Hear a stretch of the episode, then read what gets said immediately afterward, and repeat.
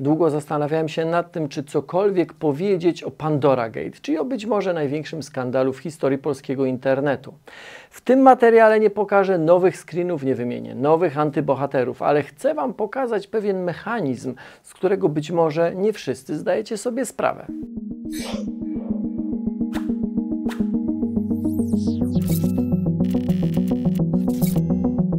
Dzisiaj często pada pytanie, gdzie byli ci, którzy wiedzieli, dlaczego nie reagowali. E, tylko kim są ci, którzy mieli reagować? Ich jest znacznie więcej niż mogłoby się wydawać. YouTuberzy wykorzystywali swoje pozycje w internecie do wątpliwych moralnie, nieobyczajnych albo zwyczajnie przestępczych zachowań względem dzieci czy nastolatków, dla których nierzadko byli wzorem, o ile nie autorytetem. Wszystko to było możliwe dzięki zasięgom, które w dużej mierze były budowane dzięki pieniądzom. Pieniądze, jakie można zarobić na reklamach YouTube'owych, są niczym w porównaniu z pieniędzmi, jakie można zarobić na współpracach z dużymi firmami, z dużymi markami.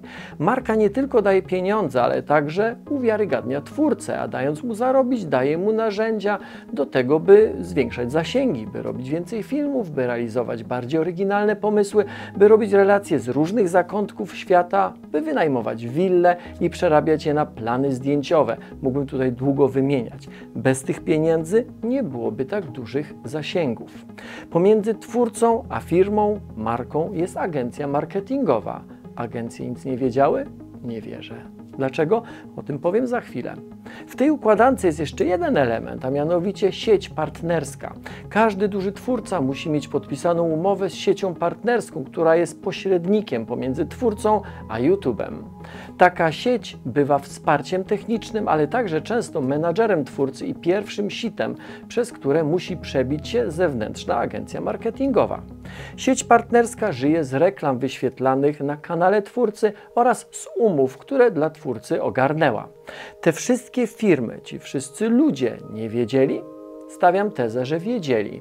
Dzisiaj coraz częściej pojawiają się fragmenty streamów, wywiadów, wpadek, głupich żartów, w których ten temat pojawiał się już od dawna. Ten temat, czyli temat wykorzystywania nieletnich, wykorzystywania także seksualnego. W agencjach w sieciach partnerskich są osoby, których zadaniem jest śledzenie treści, które pojawiają się na kanałach dużych twórców, ale także śledzenie, co o tych twórcach mówią inni, a niektórzy już wcześniej mówili. Tyle tylko, że branża wolała siedzieć cicho. No właśnie, jest jeszcze branża. Przecież ci twórcy, o których dzisiaj się mówi, byli wielokrotnie nagradzani na przykład przez branżę wideomarketingu. Każda nagroda to okazja do tego, by podnieść ceny za swoje usługi. Każde dodatkowe pieniądze zwiększają możliwość tworzenia treści, a to podnosi zasięgi i koło się zamyka. A żeby zamknęło się w całości, to warto jeszcze wspomnieć o innych mediach, na przykład telewizje śniadaniowe, programy rozrywkowe, do których przecież ci twórcy byli regularnie zapraszani. I znowu, ekspozycja buduje markę. Marka daje pieniądze, pieniądze dają możliwość na zwiększenie zasięgów, a duże zasięgi w oczach dzieci budują autorytet.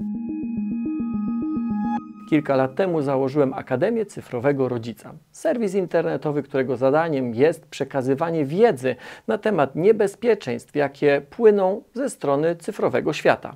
Moja motywacja motywacją całego zespołu Nauka to Lubię było uwrażliwienie rodziców i dzieci na zjawiska, które w cyfrowym świecie mogą się pojawiać. Nie straszymy, robimy filmy, webinary, prowadzimy bloga. Mówiliśmy wiele razy o sharentingu, o patostreamach czy o sextingu. W kontekście Pandora Gate pojawia się jeszcze jedno grooming. Y, czym jest? Może być wstępem do pedofilii, przygotowaniem sobie pod nią gruntu. Grooming to uwodzenie, manipulowanie, nakłanianie do wysyłania nagich zdjęć, molestowanie dzieci przez osoby starsze, zwykle za pośrednictwem internetu czy środków komunikacji. Wszystko wskazuje na to, że groomingu dopuszczało się kilku bardzo popularnych youtuberów, a kolejni ich kryli.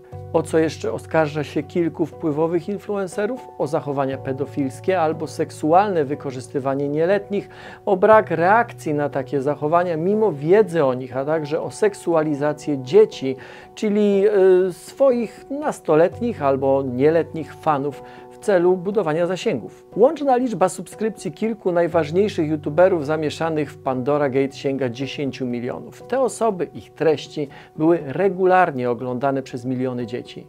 Twórcy z tysiącami z nich mogli pisać i spotykać się na fanowskich zlotach. I tu kolejny element układanki. Kto te zloty organizował? Nie wiedział? Nie widział? Czy ktokolwiek kontrolował? Setki młodych ludzi mogły zostać skrzywdzone przez przekroczenie granicy, która nigdy nie powinna być przekroczona. I mówiąc o granicy, mówię nie tylko o zachowaniach jawnie łamiących prawo, mówię także o granicy w pokazywanych treściach. Czy wy, kochani rodzice, kiedykolwiek widzieliście treści filmów, czy wsłuchiwaliście się w treści piosenek, które oglądają, czy które nucą pod nosem wasze dzieci? Zróbcie to, a myślę, że nie raz złapiecie się za głowę. Jeżeli chcemy mieć zdrowe psychicznie dzieci, jeżeli chcemy mieć zdrowe relacje, nie tylko w rodzinie, ale także w społeczeństwie, musimy dbać o treści, jakie trafiają do głów najmłodszych. Jedna rzecz to jawne łamanie prawa. Tym powinien się zająć prokurator i sąd. Ja mówię o szerszym zjawisku, jakim jest uzależnienie od smartfona, codzienne stykanie się z treściami wulgarnymi, seksistowskimi, często erotycznymi, na pewno nieodpowiednimi dla dzieci. Jeszcze jedno. Sprawa wypłynęła, bo jedna dziewczyna pękła i publicznie opowiedziała o swoich doświadczeniach, a wtedy inne ofiary zaczęły mówić. Nie mam wątpliwości, że nie wszystkie się ujawniły i nie wszystkie się ujawnią bo to, co mogą takiej osobie zgotować fani, żeby nie powiedzieć psychofani jakiegoś twórcy, to piekło na ziemi. Osobom, które znajdują w sobie siłę, ujawniają tego rodzaju działania, należy się ogromny szacunek i wsparcie. Cyfrowy świat, w którym poruszają się dzieci, nie zawsze i nie do końca jest zrozumiały dla rodziców. Nie nadążamy za nim. Trzeba postawić na budowanie relacji, na bliskość, na szczerość, na wspólnie spędzony czas. Jeśli w to nie zainwestujemy, dzieci będą szukać wsparcia, oparcia gdzie indziej. Dziecko musi wiedzieć, że dom i rodzina są bezpiecznymi przystaniami. Tylko w ten sposób możemy uchronić je przed niebezpieczeństwami tego świata, bo tych niestety jest coraz więcej. Zerknijcie na Akademię Cyfrowego Rodzica i dziękuję za uwagę.